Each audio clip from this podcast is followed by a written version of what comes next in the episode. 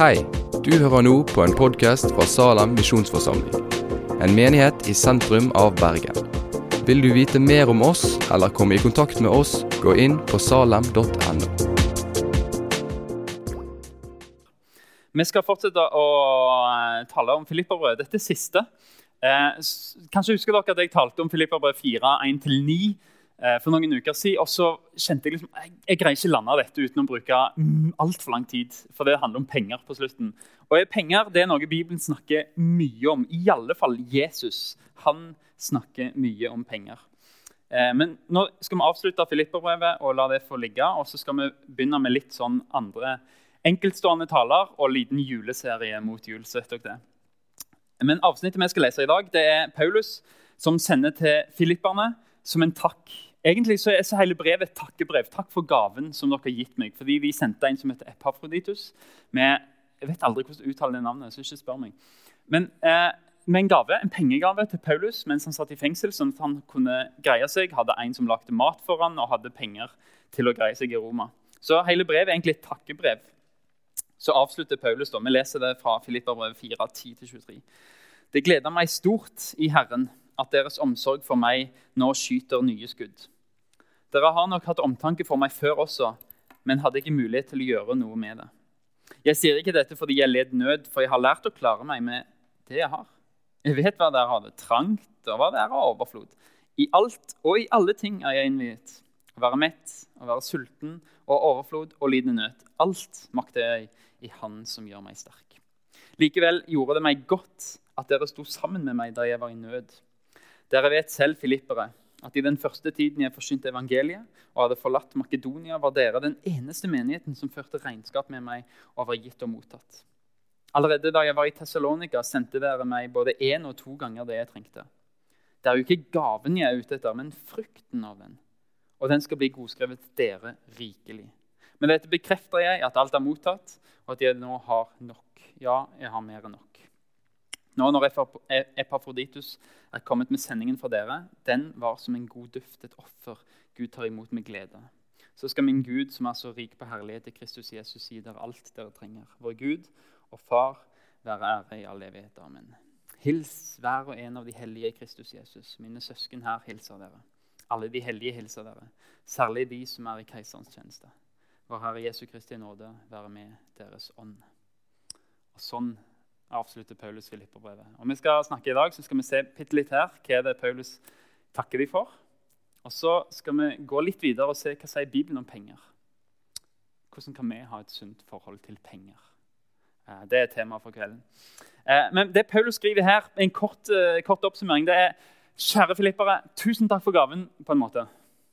Det er det egentlig Paulus sier. Fordi avsnittet det, det er takk for gaven som de sendte han. Men han sier jo egentlig i vers 11-13 at 'jeg trenger egentlig ikke denne gaven'. Og i vers 17 så sier han 'jeg søkte ikke denne gaven'. Og Det Paulus viser, det er egentlig et sunt forhold til penger. Eh, for det var et vanlig problem at, at på den tida var forkynnere, sånn som Paulus, egentlig sjarlataner, filosofer som reiste rundt og bare sa noe møl og fikk penger for det. Eh, det problemet har vi i dag òg. Eh, men Paulus var veldig bevisst dette. Han mente at forkynnere har rett på betaling når de var en plass. Han mente at han hadde rett på betaling, men han prøvde så godt han kunne å jobbe så mye som mulig som teltmaker. Det var hans yrke. Og han krevde ingenting. Hvis han kunne jobbe som teltmaker, selge telt og bo hos noen, og ikke få betaling av menigheten, så var det egentlig det han foretrakk. Han ville ikke ha penger hvis han ikke trengte det. Og når han fikk penger med seg til gavene i Jerusalem, det var noen som samla inn penger til menigheten i Jerusalem, og så ga de det til Paulus og sa du må gi det til menigheten i Jerusalem. Så sa nei, jeg skal ikke gi dette. Dere skal velge folk som skal sende denne gaven. Jeg vil ikke ha ansvar for at denne gaven kommer til Jerusalem, fordi han visste at penger kan være en stor fristelse han kunne falle for. Han ville at menigheten skulle sende sine folk, flere, sånn at de kunne ta vare på hverandre. Menighetene måtte gjøre det selv. Det kan dere lese om i 1. Korinterbrev 8. Og det Paulus er, han, han er takknemlig for at han har fått en gave. For at Filipperne har gitt ham penger, sånn at han kan forsyne evangeliet. Men han sier også veldig tydelig jeg er ikke avhengig av dette. Uansett hvor mye penger dere hadde sendt meg, jeg hadde forsynt evangeliet uansett.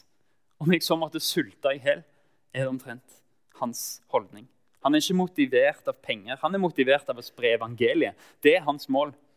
Han gleder seg over at filipperne har omtanke for ham, at de støtter arbeidet hans nå og tidligere. Det, det, det Paulus sier, det gleder meg å se at, at dere støtter meg. Men han vil bli kvitt alle misforståelser. Jeg er ikke avhengig av gavene. Jeg er avhengig av Gud. Så han håpte ikke på pengegaver, men han sier jeg håpte på frukten av deres tro.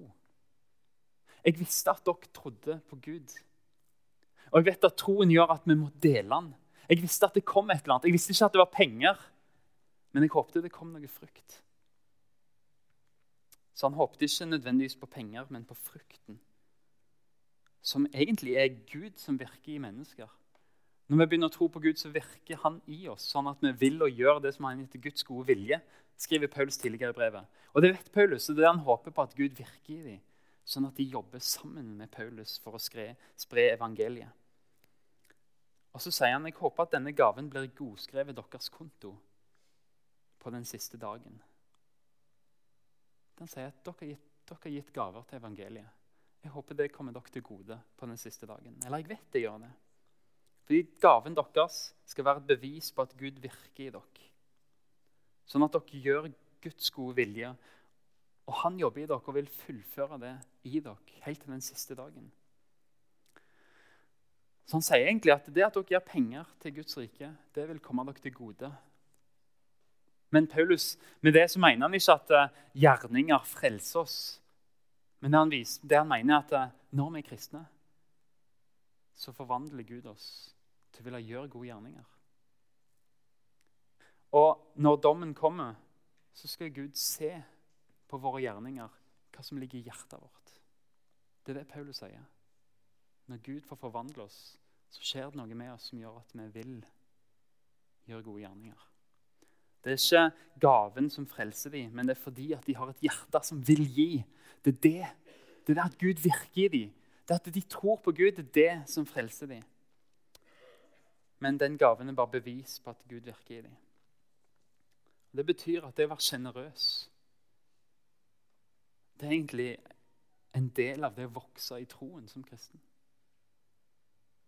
Når vi blir kjent med, med Jesus, så gjør han oss sjenerøse. Det skal vi komme tilbake til.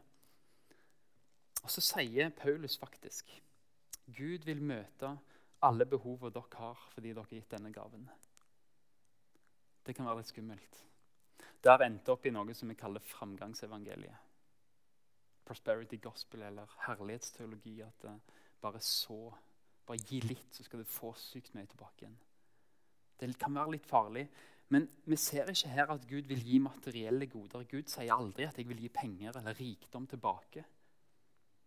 Kanskje noe, vi kan ikke kreve av det Gud. Han, han, han, gir velsignelser til den han vil, når han vil. Vi kan ikke kreve noe. Det er ikke noe automatikk i at vi gir, så skal vi få. Men én ting vil jeg at dere skal merke. I vers 11-13 så er det ikke penger Paulus først og fremst sier er Guds velsignelse.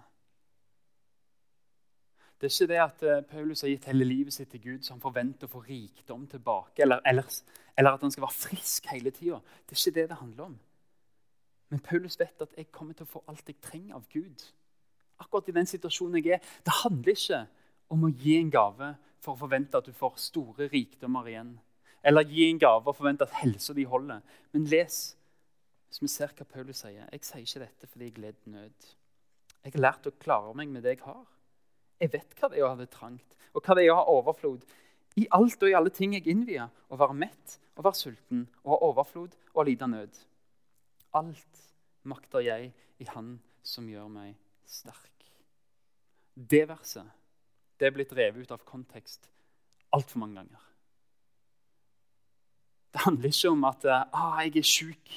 Nei, men jeg kan allikevel jeg, jeg, jeg, makter alltid Han som gjør oss sterke. Jeg skal ut av senga, jeg skal opp og jeg skal forkynne. Jeg makter absolutt alt. Det er ikke det det handler om. Det handler om penger. Det Paulus sier, at 'jeg har vært lut fattig'. Jeg har vært sulten, jeg har lidd nød. Men jeg makta det fordi Gud var med meg og ga meg kraft til det. Og så sier han òg 'jeg har vært rik, jeg har vært overflod'. Men jeg makter det òg. Gud skal meg styrke til å holde integriteten i rikdommen, til å ikke bli påvirka og korrumpert av rikdom. Gud lot meg makte det. Og det er det Paulus sier. Det makter jeg i Han som gjør, gjør meg sterk. Om jeg er fattig eller rik som kristen, Gud gir meg velsignelser åndelig sett, sånn at jeg kan makte å leve der. Han gir meg styrke til å stå fast selv om jeg er rik. Han gir meg styrke til å være frimodig på Guds vegne selv om jeg er fattig. Det er det det verset handler om. Alt maktige han som gjør ham sterk. Gud møtte Paulus sine behov. Han vil møte filipperne sine behov, skriver Paulus. Ikke med velstand eller penger. Det ser vi at Paulus ble jo ledet til himmelen via fengsel og via lidelse. Via skipbrudd. Tanken er ikke økonomisk vekst, eller noe sånt, men, men at Gud fortsetter å arbeide det er velsignelsen som de skal få. At Gud fortsetter å arbeide i dem, sånn at hans verk fullføres i dem. Og Dessverre så har mange tolka dette til fram, framgangsevangeliet. De tror det gjelder penger. At vi skal få, og De siterer ofte vers 19 her. Så skal min Gud, som er rik på herlighet i Kristus Jesus, gi dere alt dere trenger og så tolker vi og sier ja, hvis dere bare gir litt penger, så skal dere få alt dere trenger tilbake igjen. Bare gi huslånet deres denne måneden. Ikke betal huslånet, bare gi det til kirka, så skal Gud sørge for at dere kan betale husleien i tolv måneder. Det er ikke det det handler om. Det handler om at når vi er sjenerøse og gir til Guds rikes arbeid, så skal Gud gi oss det vi trenger, det Han ser vi trenger. Ikke nødvendigvis penger. Kanskje ser han at du faktisk trenger motstand, sånn at du blir avhengig av han. Det kan være en velsignelse det å få motstand. Ikke tro at all velsignelse kommer i form av penger. Velsignelse kommer i form av det Gud ser at du trenger for å vokse nærmere Jesus. Og Da kan velsignelse òg komme som sykdom eller som motstand. Og ja, det kan komme som velstand òg. Men det er ikke mønsteret.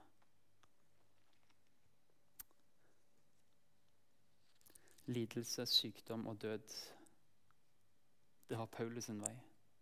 Han som vitner om dette. Alt makter jeg i Han som gjør meg sterk. Paulus var ikke avhengig av pengene. Men Gud lønner sjenerøsitet. Men helt ærlig, tror du Gud bruker penger for å gi oss tilbake det vi gir? Av og til så kan man gjøre det, men, men, men tenk deg, penger er menneskeskapte ting. Gud har så mye mer for deg enn penger. Penger, Kjærlighet til penger er rot til alt vondt. Og heldigvis så er Gud mye større enn våre oppfinnelser, som er penger. Og kanskje er det en Guds velsignelse at du ikke har så mye.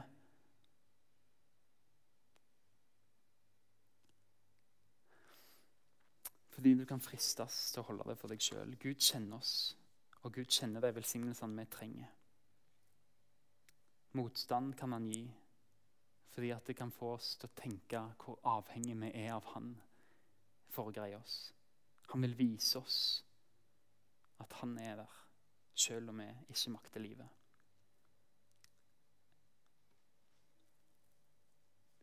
Tror det Paulus sier, at eh, alt maktig er han som gjør meg sterk. Det handler ikke om det handler ikke om økonomi. Det handler om at Gud vil gi oss et tankesett til å makte alt. Når vi sier at Gud, jeg vil ikke la pengene styre meg her Ta dette til ditt arbeid, så viser du at Gud, jeg er mer avhengig av deg enn penger. Så Paulus sier takk for gaven, men jeg spurte ikke etter den. Jeg trengte han ikke, jeg ville forsynt uansett. Men jeg setter pris på at Gud jobber i dere, sånn at dere ser at evangeliet må fram og gir penger til arbeidet. Det gleder jeg meg over, sier Paulus. Og dere kommer til å bli rikt velsigna. Ikke rike, men Gud kommer til å se hva dere trenger, og vil gi dere det fordi han ser at dere stoler på han og ikke på pengene. Det tror jeg er essensen i det Paulus sier til filipperne her. Men så zoomer vi litt ut fra Filipperbrevet. Vi skal tilbake igjen dit, men zoome litt ut. Hva sier Bibelen om penger?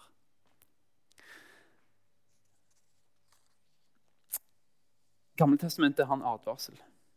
Den som har mye, blir fort uavhengig av Gud. Blir sjøl sånn som Gud. Ordspråkene sier, 'Hold falskhet og løgn langt borte fra meg.' 'Gjør meg verken fattig eller rik, men la meg få den maten jeg trenger. Ellers kunne jeg bli så mett at jeg fornektet deg og sa, hvem er Herren? Eller bli så fattig at jeg stjal og krenket min Guds navn. Han er vis, han som skrev ordspråk. Han sier bare gi meg akkurat nok til det jeg trenger. Ikke sånn at jeg blir hovmodig, ikke sånn at jeg blir desperat, men akkurat alltid kan holde meg til Gud. Gammeltestamentet advarer mot rikdom fordi det kan lede oss vekk fra Gud. Og Jesu budskap er klokkeklart. Han sier 'ved de som er rike', og så velsigner han de som er fattige. Han sier det er vanskelig for en rik en å komme inn i Guds rike. Bare hør hva han sier. Det er ganske radikalt. Og Jesus så seg omkring og sa til disiplene hvor vanskelig det blir for dem som eier mye, å komme inn i Guds rike. Disiplene ble forferdet over ordene hans, men Jesus tok igjen til orde og sa, 'Barn, hvor vanskelig det er for dem som stoler på rikdom, å komme inn i Guds rike.' Det er lettere for en kamel å gå gjennom et nåløye enn for en rik å komme inn i Guds rike. Da ble de enda mer forskrekket, og de sa til hverandre, 'Hvem kan da bli frelst?' Jesus så på dem og sa, 'For mennesker er dette umulig, men ikke for Gud.' Alt er mulig for Gud. Og så vil jeg ta dere gjennom en tekst der Jesus snakker veldig effektivt om penger. Der, der han egentlig snakker rett inn til 2018. Og så skal vi lese den teksten fra Matteus 6, og så skal vi ta ut tre poeng fra den teksten. Tre poeng som sier hvordan penger kan få makt over deg, hvorfor penger får makt over deg, og hvordan du kan hindre at penger får makt over deg. Men vi leser først Matteus 6, 19-34. Jesus sier, 'Dere skal ikke samle skatter her på jorden, hvor møll og mark ødelegger, hvor tyver bryter inn og stjeler.' Men dere skal samle skatter i himmelen, der verken møll eller mark ødelegger og tyver ikke bryter inn og stjeler. For der skatten din er, vil også hjertet ditt være. Øyet er kroppens lampe. Om øyet ditt er klart, er det fordi kroppen er fylt av lys. Men om øyet ditt er sykt, er det fordi kroppen er fylt av mørke. Er nå lyset i deg mørke, hvor dypt blir det ikke mørke?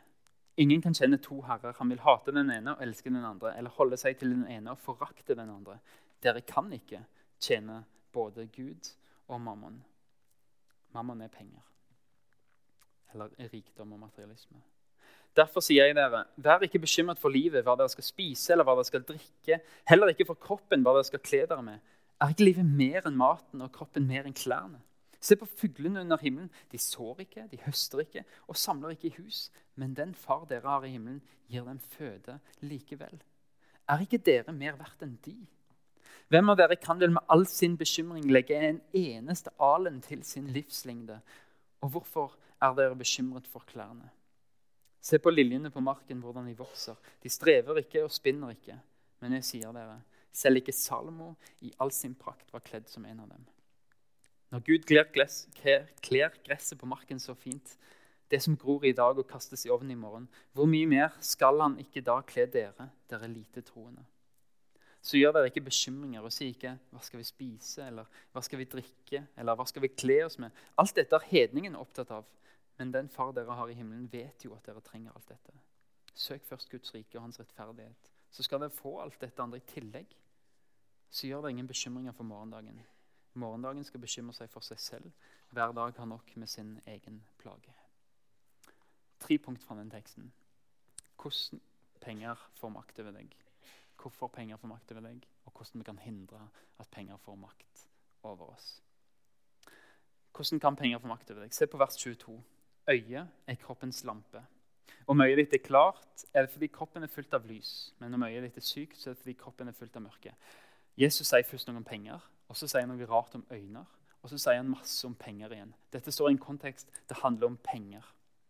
Og det Jesus sier, det er at hvis, hvis øyet ditt er sjukt, hvis du ikke ser, så kan du ikke bevege deg fritt. Du er i mørket. Du greier ikke å bevege deg. Du er blinda. Og Det Jesus mener, og jeg tror Jesus sitt poeng her det er at materialisme det kan blinde deg. Et eksempel.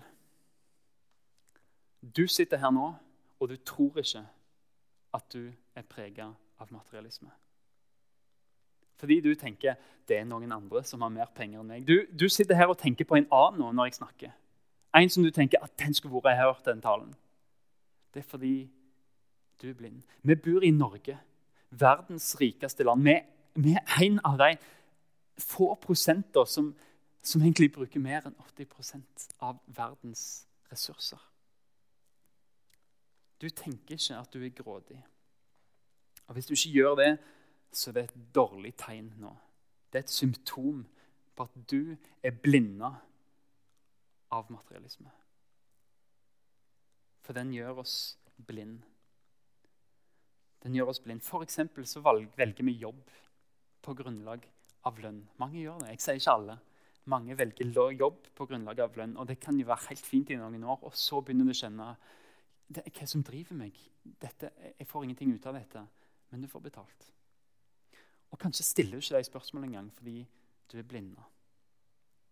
Et annet eksempel kan være at du ikke stiller spørsmål på inntektskilden din. Hvis du har en jobb som kanskje utnytter andre mennesker, eller utnytter situasjoner, eller er i etisk gråsone Kanskje tenker du Gjør det egentlig det? Nei. Men jeg tror Hvis du ikke tør å stille det spørsmålet, så er det noe som er i ferd med å skje. At materialismen får blinde deg. Og materialismen, pengejag, det hindrer deg i å stille vanskelige spørsmål til livsstilen din. Du kjenner deg jo ikke rik du i forhold til alle andre. Og så stiller du ikke spørsmål til hvor mye bruker jeg egentlig på klær på, på å bo eller på gadgets. Og så vil du ikke, du tør ikke ransake deg sjøl. Et Ja. Jeg var inne i dag og så på den nye iPhone. For å være snill, la en koster 11 000 kroner. Og Dette kan være at det pirker unødvendig,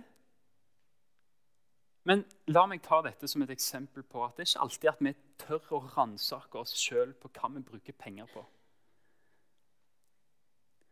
Den nye iPhone hva skal vi si, vær snill, han varer i tre og et halvt år. Er det innafor? Tre og et halvt års levetid på en telefon. 11 000 kroner. Jeg var inne på North South Partnership Aid, som driver og støtter barn på skole i slummen i Kenya. Tre og et halvt år, 11 000 kroner. Da kan du støtte et barn på skole med uniform, med bøker og mat og internat i tre og et halvt år. Tenker vi på det når vi bruker de pengene på å ha statusen som iPhone gir?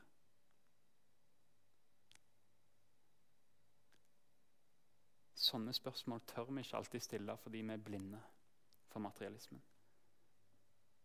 Disse sannhetene altså, som er veldig gode på å skape unnskyldninger. Det er òg et symptom på at du er blinda. Det er et problem hvis du sitter og tenker jeg vil ikke høre på dette.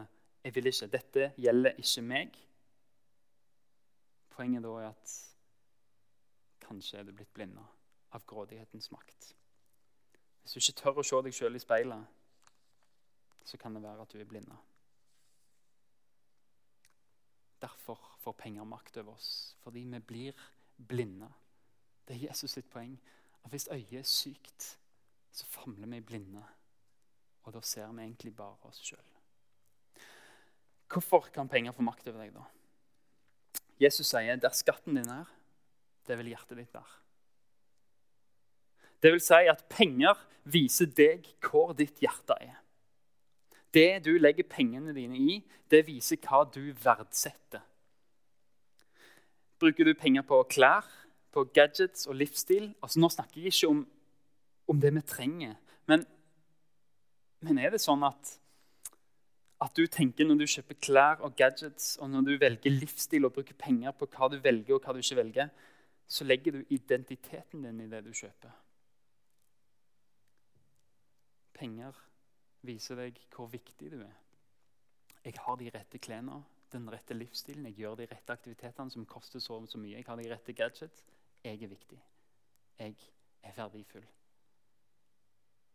Da gjør pengene det at skatten din er din identitet, og du legger alle pengene dine i det.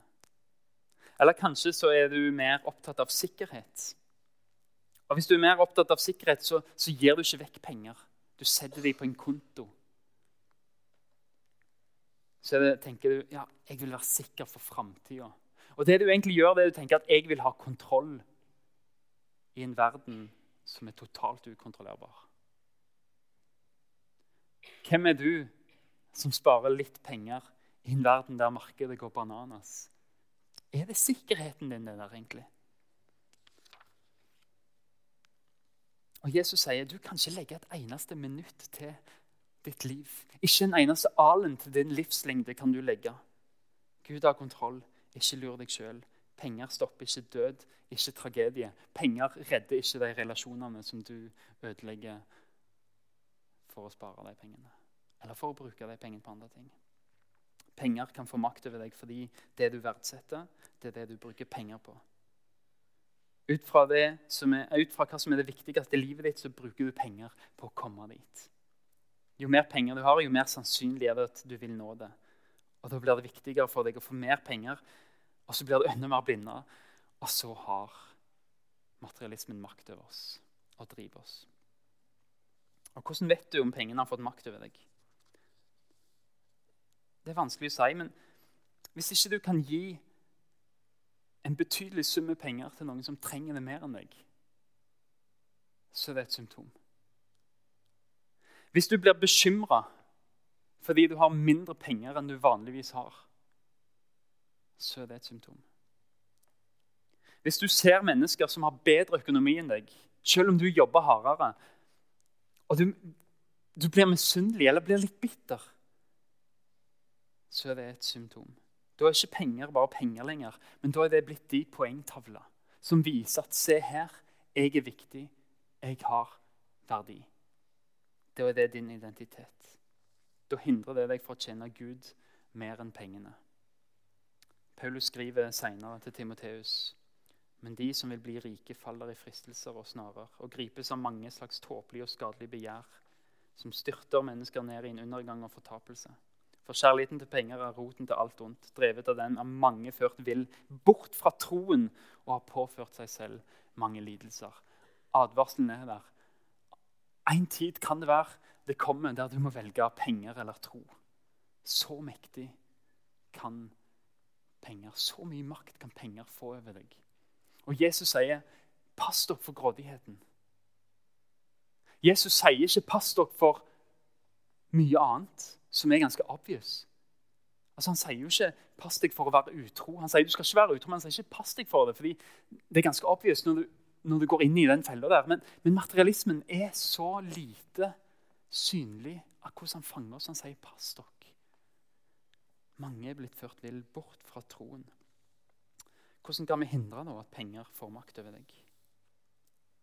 Punkt 3. Hvordan hindre at penger får makt over deg? Vers 19. Dere skal ikke samle skatter på jorda, hvor møll og mark ødelegger, hvor tyver bryter inn og stjeler. Men dere skal samle skatter i himmelen, der verken møll eller mark ødelegger, og tyver ikke bryter inn og stjeler. Det Jesus sier, ikke verdsett jordiske skatter. Tenk på det dere har der oppe. Invester i det dere har der oppe. Alle har noe de verdsetter. Alle har noe som de kjenner at dette gjør livet mitt verdt å leve. Noe som gir deg verdi. Det kan fort bli det du er slave av. Det er noe i livet ditt som du tenker 'jeg vil ha det', og jeg betaler nesten enhver pris for å få det. Det kan være identitet, sikkerhet. Det kan være status, makt. Eller det kan være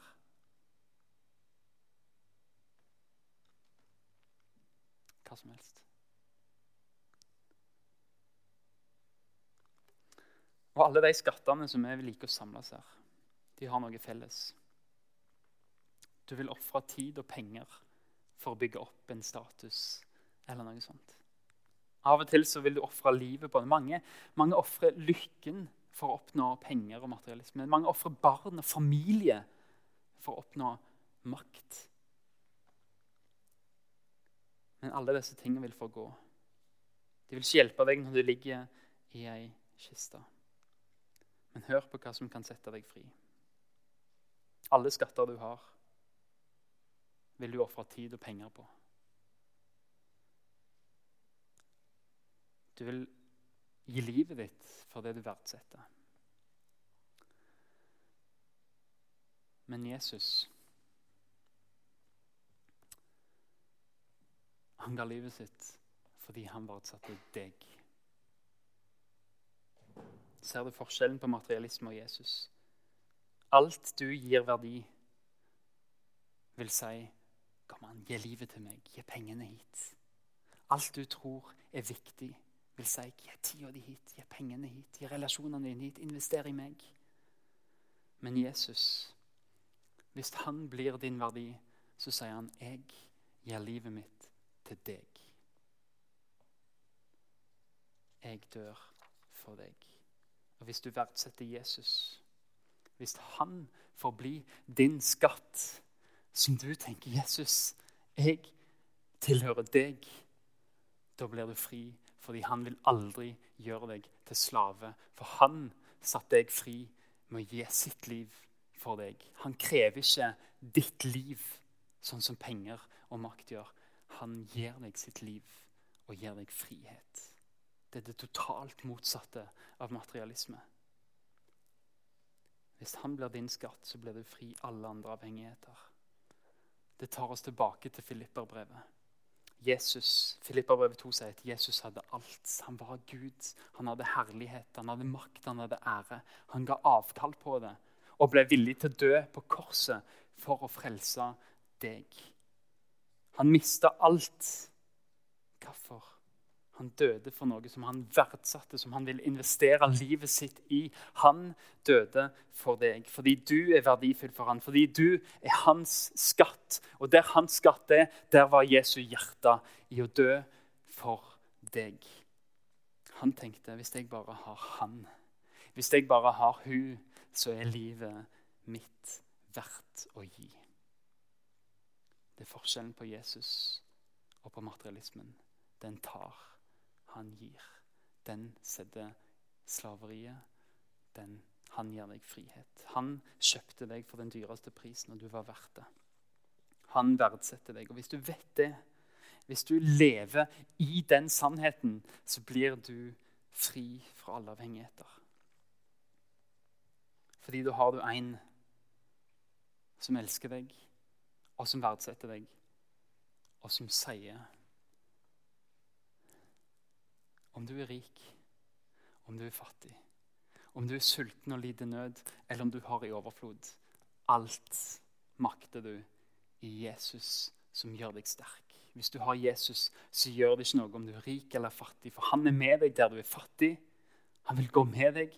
Han vil berge deg, han vil frelse deg fra avhengighet til penger. Fordi alt makter du i Jesus, som gjør deg sterk, om du er rik eller fattig.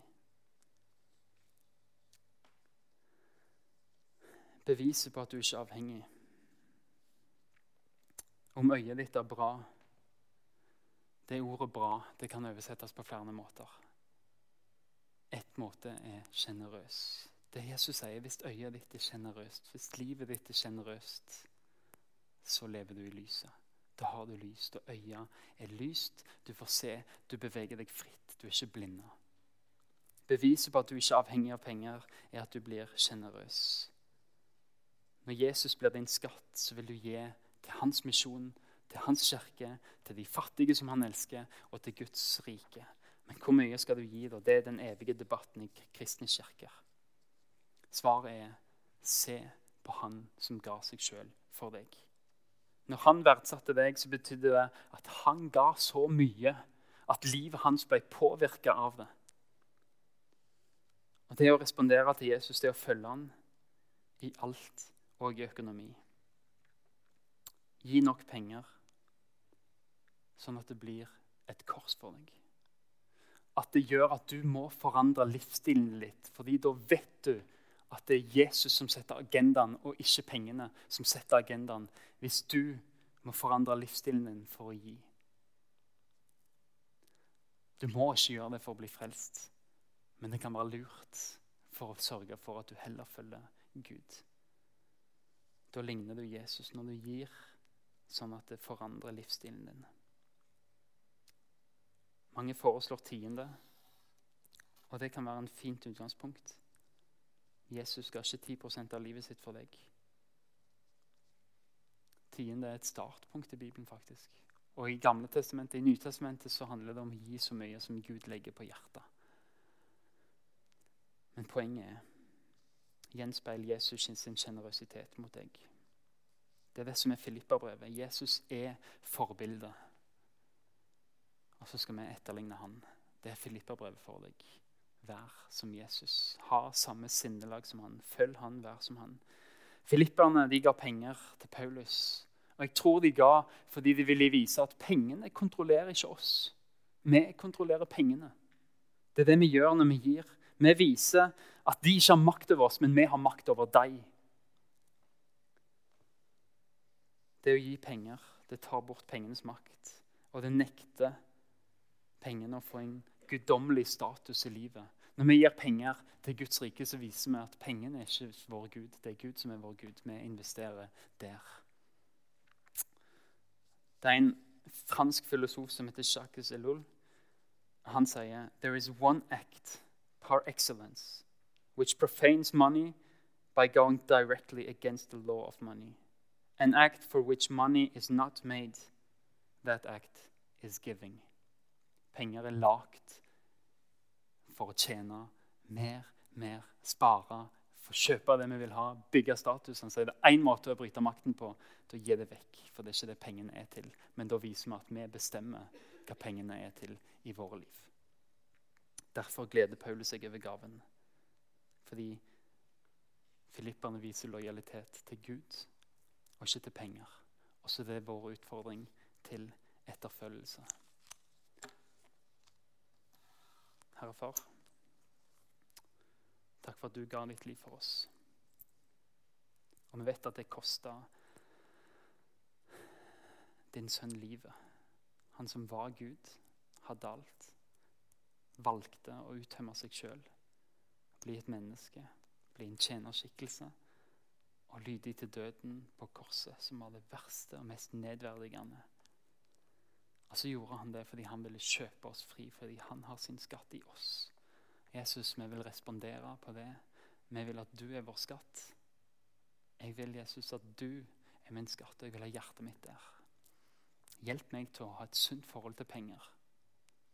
Til å la pengene få være en tjener for du som er guden. Jesus, med alt jeg har, så vil jeg ære deg.